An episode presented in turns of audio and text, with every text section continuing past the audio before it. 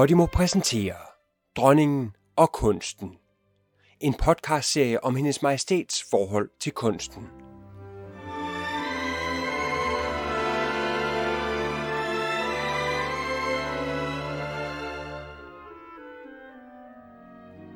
I denne episode samtaler hendes majestæt med Peter Bo Bendiksen.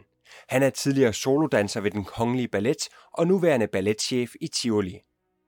Dagens emne er ballet, og dronningen og Peter Bo Bendiksen vil blandt andet tale om Romeo og Julie. Velkommen til. Deres Majestæt, vi sidder her i Blå Salon på Fredensborg Slot, og vi er her for at tale om dronningens helt specielle forhold til ballet, specifikt erindringer, oplevelser fra det kongelige teater. Jeg kan næsten sikkert sige, hvornår jeg første gang oplevet ballet. Øh, Det var, da mine forældre havde været med til Napoli, og det må have været i øh, april, nej, måske lige frem i fe, februar 48, vil jeg tro. Det må det være, fordi øh, jeg er næsten sikker på, at det var der. Det var Napoli, og jeg var fuldkommen over begejstret fra starten. Øh, min far havde fortalt mig historien for inden, så jeg vidste, hvad det drejede sig om. Og han, jeg kan huske, at han gjorde mig opmærksom på, at nu skulle jeg lægge mærke til øh, under stormværet i første akt, når den røde paraply gik bagover. og øh, det nåede jeg nu ikke at se den første gang, men øh, mange andre ting, og jeg var meget begejstret. Det var Margulander, der dansede til Asina ved den lejlighed. Det må have været med Børge Rallo som, som øh, Gennaro. Ja. Så øh, jeg husker det bare som en vidunderlig oplevelse. Jeg, jeg, jeg synes, det hele var pragtfuldt og spændende. Øh, den blå grotte med de, de dejlige melodier, som også er der, øh, som jeg nu ikke haft, har hørt i den senere tid, men, men som havde en kæmpe charme. Mm. Øh, det, det, det, det var faktisk den første balletoplevelse, jeg havde. Kunne de se, hvor Teresina bor? Fra nej, kongehuset? nej. Øh, øh, vi sidder i kongesiden i det kongelige teater, det vil sige, vi sidder til venstre for scenen, når man sidder nede i salen. Og det vil sige, at hvad der foregår i den inderste venstre side af scenen, det ser man aldrig. Så jeg har øh, aldrig set, hvor Teresina bor. Jeg har aldrig set, hvor Giselle bor. jeg har heller ikke set, hvor Svanhilda bor i, i, øh, Copelia. i Copelia. Og, men ellers har jeg jo set det meste. Ja. Og det er også en detalje, men det er sådan noget, man kan more sig lidt over. Og jeg mener, at jeg kunne huske at have hørt, at de og deres søstre også, når de kom hjem efter at have set Napoli i tredje akt, øh, dansede... Øh... Ja, vi prøvede der. Jeg tror, vi blev nu i reglen sendt i seng. Men så far havde nogle af melodierne på, på gramofon, så vi forsøgte os at, at hoppe omkring til det. Men vi, i øvrigt, så længe før jeg havde været, længe før jeg havde været i teateret, havde jeg danset, når der var musik på, på, på gramofonen, sådan Britterpolker og mange andre gode ting. Ja. Det, jeg synes altid, for mig er øh, musik og bevægelse hører meget stærkt sammen, og det er nok derfor, jeg blev begejstret for ballet helt fra starten. Og begejstret siger de, men hvad betyder ballet for dem i deres liv, i det daglige? Jeg synes, at det er en, det er en særlig kunstart, som har den evne, at den kan gøre musiklivet synlig når den er allerbedst. Øh, der er nogle tilfælde, hvor det virkelig, man må sige, at man ser musikken, eller man hører dansen. Mm-hmm. Det, det er forskelligt. Det er også forskelligt, hvad det er for en slags musik, hvad det er for en slags ballet. Men, men det er, når det er bedst, så er det sådan, og det er vel egentlig også det, man ønsker sig med balletten, at det skal være så det er, om, det er som om danserne trækker musikken frem, eller som om musikken trækker danserne med. Ja. Det er sjovt, de siger det, for jeg har et citat her øh, af dem.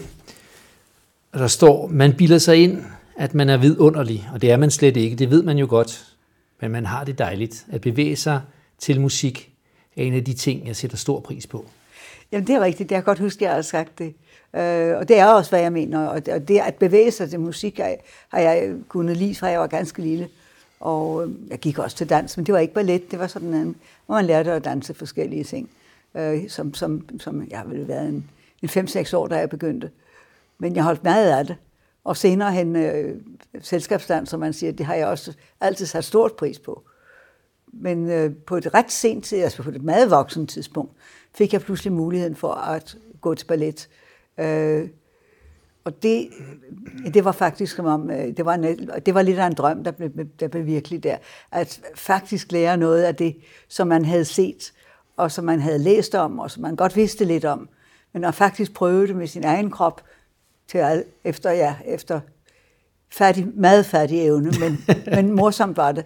Og, og da jeg har en vis musikalsk sans, så, fandt, så, så kunne det altså godt lade sig gøre. Jeg synes, det var pragtfuldt. Øh, jeg kan bare huske fornemmelsen af, at der har jeg altså været der, en, at, at, at, at sætte af og, og lave et spring, der kunne, man faktisk fik sluppet jorden med, med alle fire hjørner, om så må sige. ja, og, og, jeg kan forestille mig, når de har siddet i kongelusen, øh, i det kongelige teater, at der har været en trang til at, at danse med. Jamen, både øh, besynet af balletten jo, værre, og jo, jo, jo længere der er gået, jo mere følger jeg med i, hvordan, hvad der foregår på scenen rent dansemæssigt. Og, og dengang jeg stadigvæk gik til det, det er flere år siden efterhånden, fordi min ryg kan ikke klare det. Men når jeg sad der i, i, i skulle jeg altså virkelig passe på, at jeg ikke sad og spændte i benene hele tiden, bare fordi jeg sad og spidsede fødder, fordi jeg, det, det er så inciterende at se god dans, ja. simpelthen. Ja. Og man har lyst til at være en del af, af det, man er omgivet ja, af, omringet ja, præcis. af. De har arbejdet professionelt som scenograf igennem flere årtier. Hvad har det givet dem at være en del af en produktion, en del af et hold? Det øh, har været en fantastisk oplevelse hele vejen, lige fra starten, hvor jeg øh, blev opfordret til at lave scenografien til en nyopsætning af, af øh, et folkesavn. Det var jo en ordentlig haps, en ordentlig mundfuld. Ja. men, men en vidunderlig ballet, som jeg jo havde set adskillige gange i årenes løb øh, og, og kendte rimelig godt. Og jeg synes, det var, det var en fantastisk udfordring, men det var meget, meget, meget morsomt. At komme så tæt ind på, øh, på netop en produktion af, som, som et folkesavn. Følge både dansen, måden, ja, den blev grebet an på, altså hvordan man fandt ud af, hvad, hvordan de enkelte scener skulle der for, for, forløbe, øh, finde frem selvfølgelig til farver og kostymer og, øh, læse hos Brunner Ville, hvad han ville med, med sin ballet, og se gamle billeder, og huske, hvad man selv havde oplevet, og tale med Frank Andersen som, øh, og, og, og Anne-Marie øh, øh Vessel Slytter, mm. øh, som jo var dem, der stod for balletten, der stod for, for, for dansen. Og det var, det, var, det var meget spændende at få lov til at være tæt på alt arbejdet inde på teatret. Og det må jo være en anderledes oplevelse for dem også. Jeg, jeg havde selv glæden af at være en del af produktionen af Folkesavn ja, dengang. Jeg.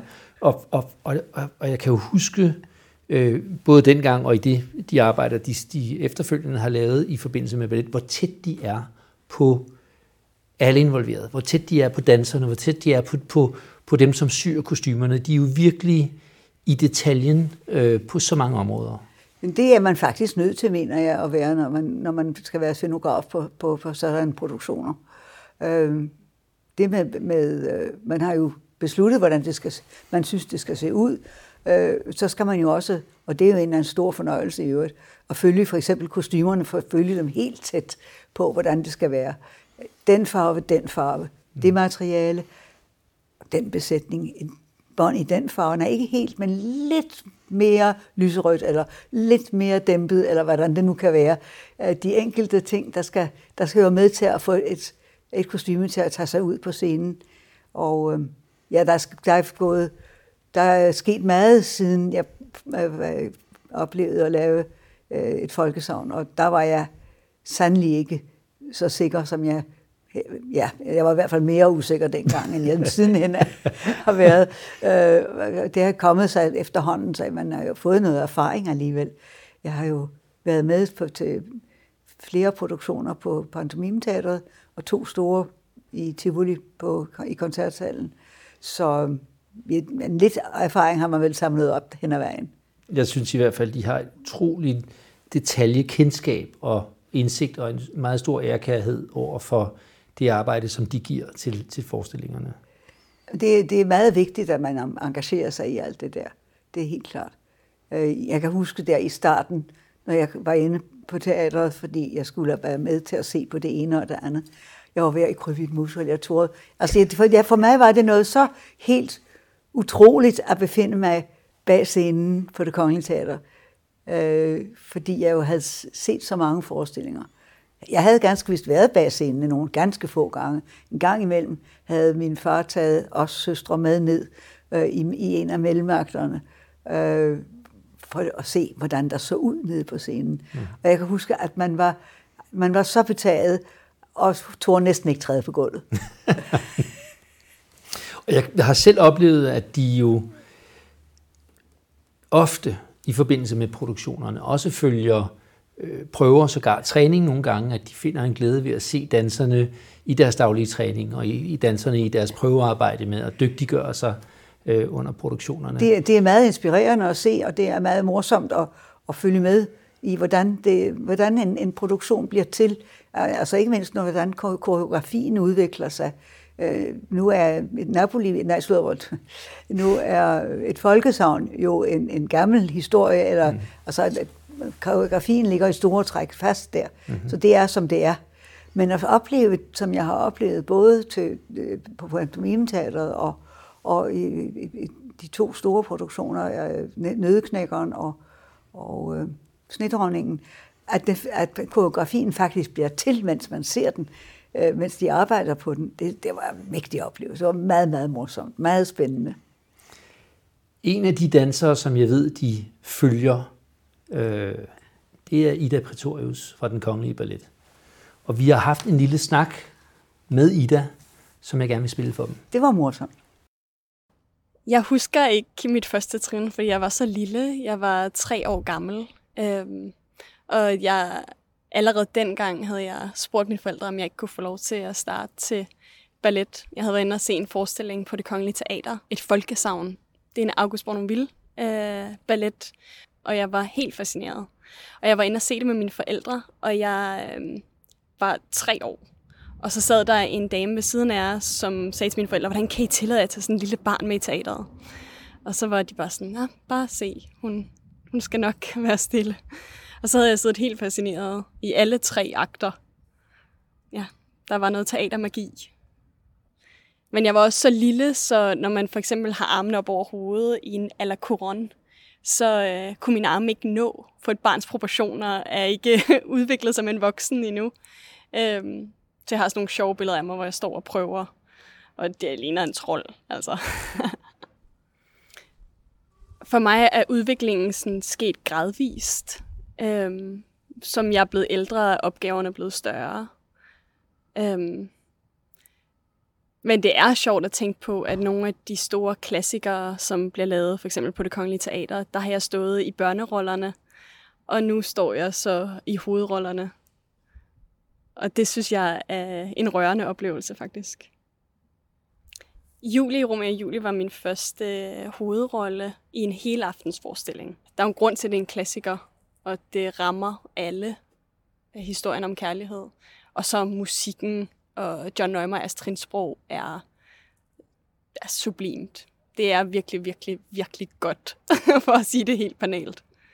Fordi det er øhm, for mig en af de bedste balletter, der nogensinde er blevet skabt. Og det ved jeg godt er et stort statement, men det er John Neumeyers version af Romeo og Julie er menneskelig, og alligevel taler den til nogle følelser og noget, et sprog, som er svært at definere, når man ser det.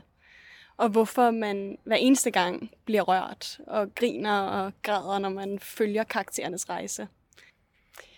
Jeg tror, ballet er for alle, men det er også okay, at man ikke nødvendigvis forstår, hvad det er, man ser, og bare går ind og oplever. Og lytter til musikken og ser kroppe bevæge sig. Fordi dans for mig har et sprog, som taler forbi hjernen og sådan direkte til sanserne. Og det, øh, det er noget af det, der gør det specielt. Ida Pretorius er jo en af mange vidunderlige dansere, som er øh, uddannet øh, ved den kongelige ballet. De har jo igennem mange år fulgt unge talenter igennem deres karriere. Jamen, det er sjovt at tænke tilbage på. Man har, har set folk netop, nu siger øh, Ida Pretorius selv, at hun har haft børneroller. og så mindre roller og nu hovedroller.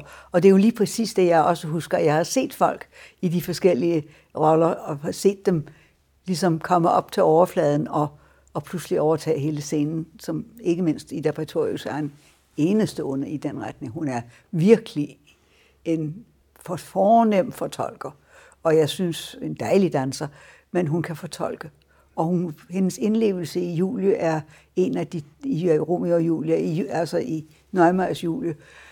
Det er helt fantastisk. Den er vidunderlig. Men jeg har det lige sådan, jeg har set, jeg har set Romeo og Julie utallige gange. Jeg holder så meget af den ballet. Jeg husker, da vi var inde til premieren, og jeg havde, den havde været oppe i en anden version øh, i København flere år tidligere, og vi var vældig glade for den. Og jeg var spændt på, hvordan det ville være at se en ny Romeo Julie. Og så kom den her. Mm. Og jeg var fuldkommen overvældet, fordi den, han er, følger nemlig Shakespeare sådan helt ned i små ting, hvor man, hvis man kan huske net af Shakespeares tekst, kan man se, at det er den tekst, han tænker på i dans. Og nu er de faktisk ved Romeo og Julie, for det var mit næste spørgsmål. Altså, om, om, om dronningen husker den øh, øh, aften i 1974, hvor det, vi ja. første gang så John Neumeier. Fordi der, der er jo et meget specielt forhold. Øh, vi holder jo meget af, af John Neumeier som historiefortæller, som koreograf i Danmark, ja. i den kongelige ballet specifikt, men jeg tror, alle med en interesse for ballet, som var, har været til stede dengang i 74, kan huske mødet med Romeo og Julie først. Jamen det var, det var for det første, at musikken er jo vidunderlig øh, og, og medrivende. Og, og scenografien i den version, som vi har her i København, var, er vidunderligt smuk. Og han, han har, øh, scenografen har fanget en, sti, en stil øh, i den tidlige øh, italienske renaissance, som jeg synes, den rammer helt rent. Og det vil sige, at, at, øh, at det billede, man får, svarer til, hvad man kan forestille sig, eller i hvert fald. For mig at det, betyder det meget, at, at man har en, at den stil, der bliver slået an i en scenografi, at den svarer til, ja, vel sådan, sagtens for mit, til mine egne forestillinger, det er selvfølgelig vældig subjektivt. Men i hvert fald, denne første aften, og, og vi havde, der er scenen, hvor Romeo og Julius ser hinanden første gang. Og jeg, hun står, han, han er løbet, han har så fået øje, fået øje på hende, og så løber han op på balkongen, eller ikke balkongen, på en balustrade, og så ser han ned, og Julie stanser op, og de ser på hinanden. Og jeg lover, det var, der gik et blåt lyn igennem scenen. Ja. Simpelthen de to, som fanger hinandens blik. Det, det er noget af det mest forrygende, jeg nogensinde har set. Ja. Det, var et, altså, det var sådan, sådan noget, kan ikke lade sig gøre, men det kunne det altså. Og det var jo nyt, som de siger, der havde været en Romeo og en Romeo og Julie ja, det var, på det var Frederick Ashtons, Ashtons, som var meget, meget charmerende. Og det var mange år tidligere. Og jeg kan huske, at jeg var meget skeptisk, hvordan det mund ville være. Jeg kendte ikke øh, Neumeyers øh, koreografi overhovedet. Øh, og så kommer denne her vidunderlige ballet som vi jo heldigvis har, stadigvæk har. Den kommer op i denne sæson, ved jeg, ja. Øh, her i sæsonen 2021, og det glæder jeg mig over. Og jeg kan fortælle, at øh, den aften, øh, premieren på ja. Romeo og Julie i 74, var mit, min første oplevelse på en scene. Øh, det var allerførste gang, jeg var med i en forestilling. Jeg var prins Paris page sammen med oh, min klassekammerat øh, Jan røde, Thomsen. Med den lille røde hue på. Ja, ja. øh, ni år gamle var vi og gik over scenen øh, og modtog kappen fra ja, prins ja. Paris ved ballet. Da han kommer ved ballet, Da han kom ved ballet, og så gik jeg ud igen. Og mine forældre mente selvfølgelig, at jeg havde båret hele forestillingen. Jeg tror, jeg var på scenen alt i alt omkring 20 sekunder. Det kan jeg husker det meget tydeligt. Ja, det er sjovt, jo, men det må jo også have været spændende, fordi det var første gang, man selv skulle på scenen, ja. når man nu var ved, ved balletten og balletskolen. Ja, ja. Og så er jeg enig med dem og med, med Ida Pretorius. Det er så vidunderlig en, en, en, en ballet i alle detaljer. Øh, og oplevelsen, jeg har haft glæden af at danse Romeo, Tybalt og mange andre roller, og, og, og, og alle med, med et særligt perspektiv på rollen. Altså man får fra John Neumeier så meget Han at vil, arbejde han vil med. noget med det. Ja, Og så er det det, at han kender sin Shakespeare så godt. ja. Og det er det, man er, og jeg også lægger mærke til, hvis man selv holder med af Shakespeare, og det gør jeg, øh, at, at han, han følger Shakespeare meget, meget tæt, og samtidig som sagt, så man kan se, se teksten i, ja. i de bevægelser, der foregår. Romeo, Ja. Romeo og Julie mødes også ved ballet, og de lægger deres håndflader mod hinanden. Og i, hos Shakespeare står der, at de, der taler de til hinanden, og de siger, lad os mødes with a pilgrims, with a, a palmer's kiss, og det vil sige med håndfladen mod hinanden. Og jeg kan huske, da jeg så det, så tænkte jeg, hov, her er en, der kan sin Shakespeare. i høj grad. Jeg ved, at der, der er jo så mange vidunderlige øjeblikke i den her produktion. Ja. Jeg ved, at, at øh, et, af, af, et øjeblik i forestillingen, som jeg ved, at de sætter meget stor pris på, øh, er, da Romeo står med øh, øh, Lorenzo foran kirken og venter på, at Julie skal Ja, ja. ankomme. Kan de fortælle om det? Øh, Ja, altså efter jo, øh, at Romeo og Julia har mødt hinanden ved ballet, og øh, de har blevet, er blevet fundet ud af, at de ikke kan undvære hinanden. De vil have hinanden. Og så får øh, Julie skrevet en, en hemmelig hilsen til Romeo om, at de skal mødes. Og de mødes så. Øh, han kender den, den præsten Lorenzo, og hun kommer med sin, med sin øh, børnepige eller sin amme, øh, og så skal de mødes i kirken. Og det, der sker, er så, at, at han virer dem. Men man befinder sig uden for kirken. Der er et, et øh, meget enkelt stykke scenografi med en, et, en, en, en gavl er typisk sådan en øh, florentinsk gavl med, med en, en rundt vindue i. Meget enkelt.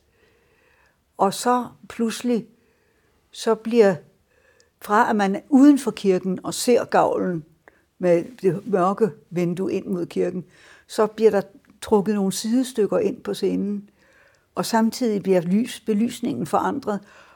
Og i et greb, så er man inde i kirken og ser lyset falde gennem det runde vindue ned på scenen. Jamen, jeg husker også fra premieren, hvor, hvor vidunderligt jeg synes, det var. Og fuldkommen vid, pragtfuldt et, et greb. Er altså det der, at man kan skifte fra ude til inde, uden at der sker noget egentlig videre andet end lige flytte på nogle detaljer i selve scenografien, og så skifte på lyset. Og så er man inde. Og det passer til musikken, som går over i en lidt kirkelig toneart. Jamen, man er jo ikke i tvivl om, hvor man er. Jeg, jeg er helt enig. Det er et, et, et øjeblik, som hver det må- gang jeg tænker jeg på det, tænke, jeg vil- er altså, for gåsehud ud. og For det er dem, så, som faktisk har danset det, må det have været også et, et oplevelse i sig selv. Men Selvom også- man skal tænke på, hvad man skal og hvor man skal være. ja, men også opleve det fra publikum, fordi det, Ja. er så, det er så enkelt i sin genialitet. Ja. Og det er så vidunderligt smukt, det øjeblik. Ja, det er pragtfuldt. Jeg glæder mig til at se det igen. Vi, vi har en indspilning af musikken Ja. af, af netop den scene, Ja, som jeg det gerne må vi høre. for dem.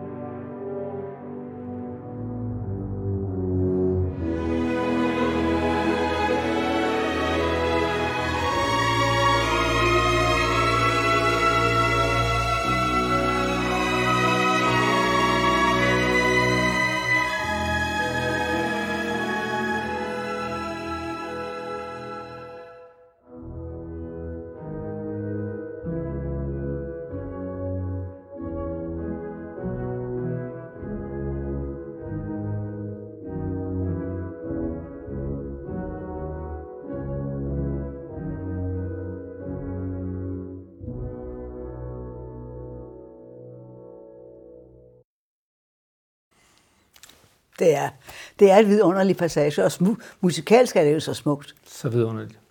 Og nu er de blevet gift, de to unge mennesker, i håbet om, eller forenet i hvert fald, i ja. håbet om, at, at det kan sig at det hele skal ende lykkeligt. Ja. De er jo fra to familier, som er i en lang, lang strid, øh, må man forestille sig. Der er to slægter i Verona, øh, og øh, det er bestemt ikke meningen, at den unge datter fra den ene slægt øh, øh, skal giftes med den unge søn fra den anden slægt. Tværtimod. Og jo, øh, Julia er blevet udset til at blive gift med en, en, en, en, en anden, i hvert fald ikke fra, ikke fra Romeos slægt. Og, øh, men nu bliver de altså gift, og så i hemmelighed kommer, øh, kommer Romeo så til Julie natten efter denne hvilelse. Selvfølgelig ved øh, barnepigen ved om det, det er hende, der sørger for, at det kan lade sig gøre. Øh, men de øh, har så en nat sammen, og så er Romeo nødt til at øh, drage afsted. Efter mange forviklinger på Shakespeares vis, så har vi en afslutning på, på, på historien og på, der sker, på Der sker blandt andet det, at Romeo kommer i klammeri med, med en af hendes slægtninge, øh, som jo ikke ved, at, at, at, at, øh, at de er blevet gift. Tværtimod, men han ved godt, at Romeo har haft et, et godt øje til Julie. Mm-hmm. Men, men øh, der bliver, en, der bliver en, et, et slagsmål. Denne slægtning til Julie stikker Romeos bedste ven ned. Romeo, som egentlig har ville, ikke har ville slås nu. Mm-hmm. Han er lige kommet fra sin første nat med sin elskede. Øh, men han fortsætter, og, og så slås han med denne Tybalt, som er en slags fætter til, til, til, til Julie, og stikker ham ned. Og så må han jo flygte. Mm-hmm. Og nu er så problemet jo, at øh, for hendes, Julies forældre ved jo ikke noget om alt det her. Udover at, at Tybalt er blevet dræbt, men, og er Romeo, men de jo, kender jo ikke forbindelsen mellem Julie og Romeo. Øh, de har nu besluttet, at nu skal hun giftes med denne unge herre, som har udset til hende, og som hun også har mødt ved det bal, og hvor hun mødte Romeo. Og Julie er fuldkommen fortvivlet, fordi hun tør ikke fortælle, hvad der er sket. Men hun vil forsøge at komme ud om, udenom dette med at skulle giftes med ham. Og faren, hendes far og mor bliver begge aldeles rasende, mm. og Ammen er ikke til særlig meget hjælp, fordi hun synes jo, øh, jamen herregud, der slå en streg over det, og, og så kan vi, så må det jo kunne lade sig gøre alligevel, at du bliver gift med, med denne udsete øh, brudgom. Men øh, Julie, i sin fortvivlelse, løber hun til den præst, der videde dem, og beder, ham, og beder her med præsten, om ikke han kan gøre et eller andet for hende, så hun kan undgå at skulle giftes med denne prins, som hun ikke vil giftes med. Og han giver hende så, præsten giver hende så en sovedrik, som vil gøre, at hvis hun drikker den, så vil hun øh, ligge, som om hun var død, og så skal de nok få ordnet det hele, fordi så vil hun blive båret til deres gravkapel, og så vil præsten sørge for, at Romer får det hvide i tide, og så kan han komme og vække hende, når, hun, når, når, når denne her sovedrik er, er, er duftet af. Men som det jo sker med den slags historier, så går det galt. Yeah. Og Romeo får det ikke at vide, men får kun beskeden om, at, Romeo, at, at Julia er død. Så han styrter tilbage til Verona og kommer til gravpapellet og ser Julie ligge der, død som han tror, og i sin fortvivlelse, så tager han livet af sig. Og så sker dette, at umiddelbart efter han, har, at han ligger død, så vågner Julie af sin søvn. Og forskrækket over at finde. Hun ved sådan set godt, at hun kommer til at ligge der, men at, at hun befinder sig i gravkapellet, men hun er redselslagen over det, og øh, styrter rundt, og så pludselig så ser hun, at Romeo ligger der. I første omgang tænker hun, han ligger bare, han er bare faldet i søvn der, fordi han har ventet på, at jeg skulle vågne. Mm. Men så vender hun ham om, og så ser hun, at han er død. Så tager hun hans dolk og stikker sig. Ja. Fordi hun kan ikke leve uden ham. Mm. Og så er vi, sidder vi alle sammen fuldkommen færdige. Altså det er en af de balletscener, som ender tragisk, som gør størst indtryk på en, når man ser det. Man, bliver, man er helt man er helt færdig, når man har set den, op, den, den, den ballet og den, den scene der. Og det er nemlig et Og hvad det må være for den, der skal danse det, det skal jeg slet ikke tænke på. Det må være overordentligt voldsomt. Det er et forfærdeligt, tragisk, magisk øjeblik, når Romeo falder død om. Ja. Og vi ser allerførst bare Julius hånd bevæge sig ganske. At hun, ja, hun er på ligger på den her borger. Ja. I det her smukke, smukke musik, og den fortvivlelse overgangen fra at se, sin, se Romeo, som hun stryger over håret, og, og, og tænker, nu skal vi, nu skal vi være sammen, for ja. nu indtil hun indser, at han er død. Og den klaustrofobiske øh, oplevelse, hun har af at være spadet inde med. I, i, i, grav, i gravvælvingen, I den ja. der tragiske øjeblik. Vi har også det stykke musik, jeg Jamen, synes, det, lige, vi skal det skal høre vi høre.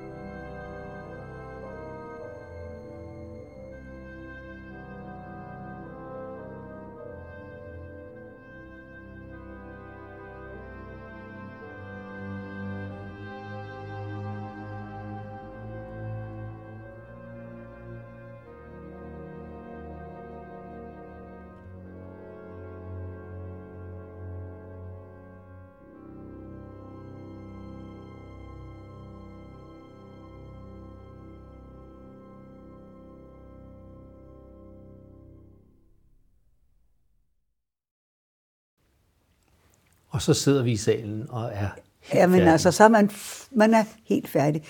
Jeg har min lille tvivl på, om det er så nemt at høre den stykke, det stykke musik uden billede. Jeg er ikke sikker på. Altså, de og jeg kan begge huske det præcis, tror vi, og de er sikkert helt sikkert, øh, hvordan, det, hvordan det er. Men, og, og, fordi det, jeg havde glemt, hvor, hvor skal vi sige, abstrakt den musik faktisk er. Mm-hmm. Ja, at der ikke egentlig er nogen, mad- noget videre melodi i den. Mm-hmm. Som jo altid er nemmest, når man skal forestille sig øh, en ballet, at der er melodi. Ja. Og det er der jo faktisk ikke her. Men jeg sidder, sidder og ser det hele for mig, men, men det hjælper jo ikke den, der kun skal høre det, og aldrig har set det. Og aldrig har set, så må man skabe sine egne billeder. Som de Men det må man siger. så forsøge at gøre. Men, men, øh, Jeg synes stadig, at det er vidunderligt smukt musik. men smukt, det er det jo. Vidunderligt smukt, men det er en vanskelig musik at lytte til, hvis man, hvis man ikke egentlig kan, kan resten af det. Ja. Nu talte vi om øh, scenografien til Romeo og Julie, som er af Jørgen Rose, og det er jo i den grad et bevis på, hvor vigtigt Jeg synes, øh, det, øh, Scenografen. Neumayer har mange, ofte, mange gange brugt Jørgen Rose som sin scenograf. Ja. Og det er også det, ham, der har lavet, han har i hvert fald to andre balletter, som jeg har set af- Neumeyers. Mm. Og han har altså en evne til at, at ramme en stil fuldkommen rent. Ja. Øh, Kameliadamen, det er virkelig den kranoline-tid, øh, 1840'erne eller så der 40'erne og 50'erne, ja. som det skal forestille. Og det er gjort med en sådan raffinement. Ja. Og, og øh, lige sådan, øh, han har lavet en, en, en vidunderlig øh, midsommernat, skal, ja, skal Skærsommernatsstrøm. skal sommernatstrøm, som, øh, som Neumann har henlagt til en periode, øh, et sådan et sted i 1820'erne, 30'erne deromkring. Mm-hmm. Øh, og der, igen der rammer han stilen i, i øh, altså det, den menneskelige side af det i hvert fald. Øh, alferne, det er noget andet. Ja. Men de er helt abstrakte. Men den menneskelige side af det, han rammer helt rent den stil, han vil. Man er ikke i tvivl om, at det skal se sådan ud. Det gælder, det gælder meget, meget stærkt. Det gælder både farvevalget og detaljerne. Kostymerne ligner den tids øh, tegninger, men så tydeligvis sådan gjort, at man kan danse i det, der kan bevæge sig i det. Men, men det ser fuldkommen indlysende ud, synes jeg. Jeg, jeg sætter stor pris på, på, på Jørgen Roses øh, scenografi. Jeg har set den en gang til en opera i udlandet, med, hvor det også var helt vidunderligt morsomt og godt gjort. Og John Neumeier kender vi i hvert fald også i den grad som en fantastisk historiefortæller. Det er jo det, han kan. fantastisk fortolker. Jeg, jeg synes, at øh, når man er vokset op med, med Bournonvilles balletter, som, som netop fortæller historie hver gang, øh, så, er, så, er jeg ved at sige, så vil jeg tillade mig at sige, at Neumayer, det er vores tids Bournonville. Og nu skal de høre, at vi har nemlig også været i Hamburg Ja, og tale med John Neumeier. jeg vælger. It was a very special time because it was the first time that I produced a work of mine with another company. Romeo and Juliet was created in in Frankfurt, and then actually before it was even produced in Hamburg, it was done in, in Copenhagen with a new designer, with Johan Rose, for the first time. Uh, for me, the the work, because I had researched it for so long, had so many deep meanings for me, and confronting the the Danes with this idea, where I had an idea, I had a motivation, I had a a reason for every movement that they did, and they were so eager and so hungry to to dig into this work, to get into this work, to to understand the characters, that it was a, a kind of instant love affair between us, um, and and uh, particularly I had chosen two very young dancers out of the Corps de Ballet, um, Mette Ida Kirk, uh, who was recommended to me by a, a wonderful teacher at that time, Vera Volkova.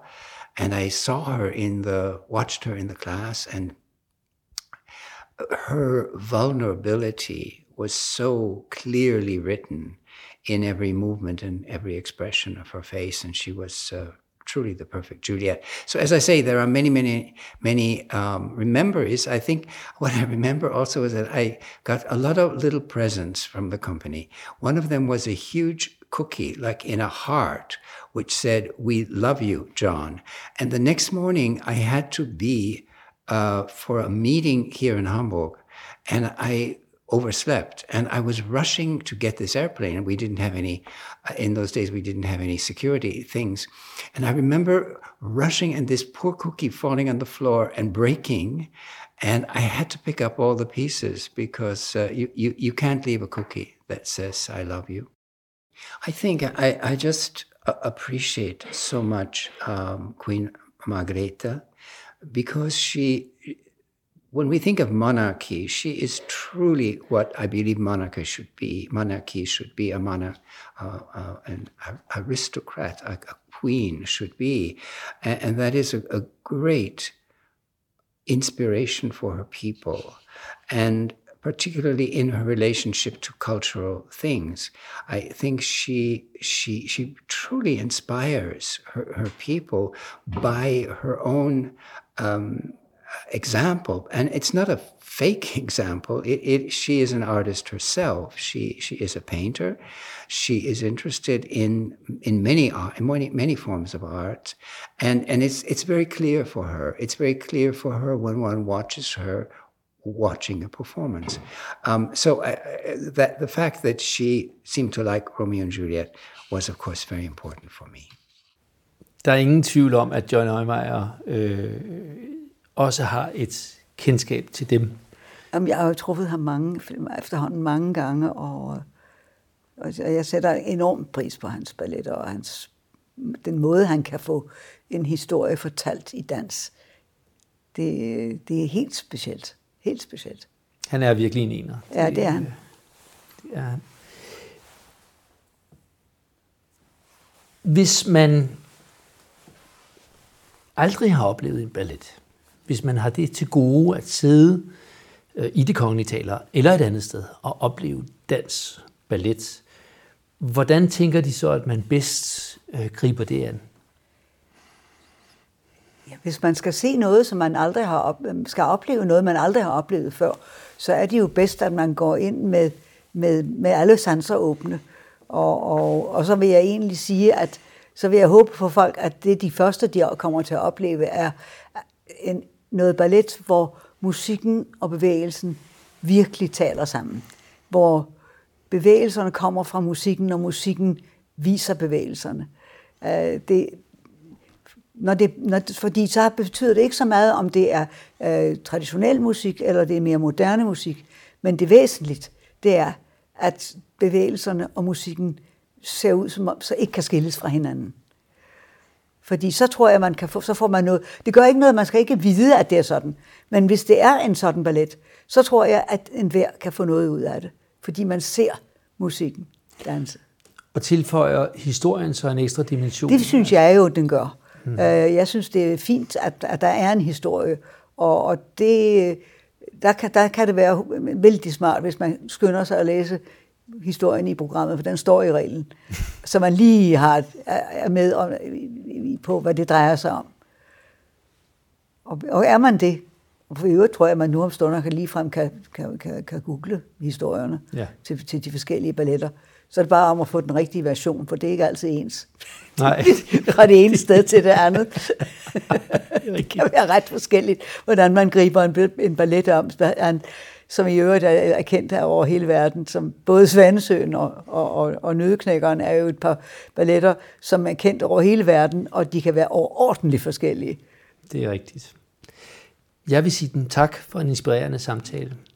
Tak. Jeg tak. synes, det var morsomt at tale om det. Rigtig morsomt.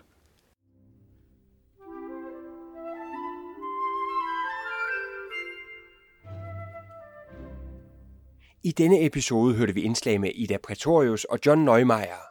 Musikken var Prokofievs musik til Romeo og Julie, fremført af Londons Symfoniorkester.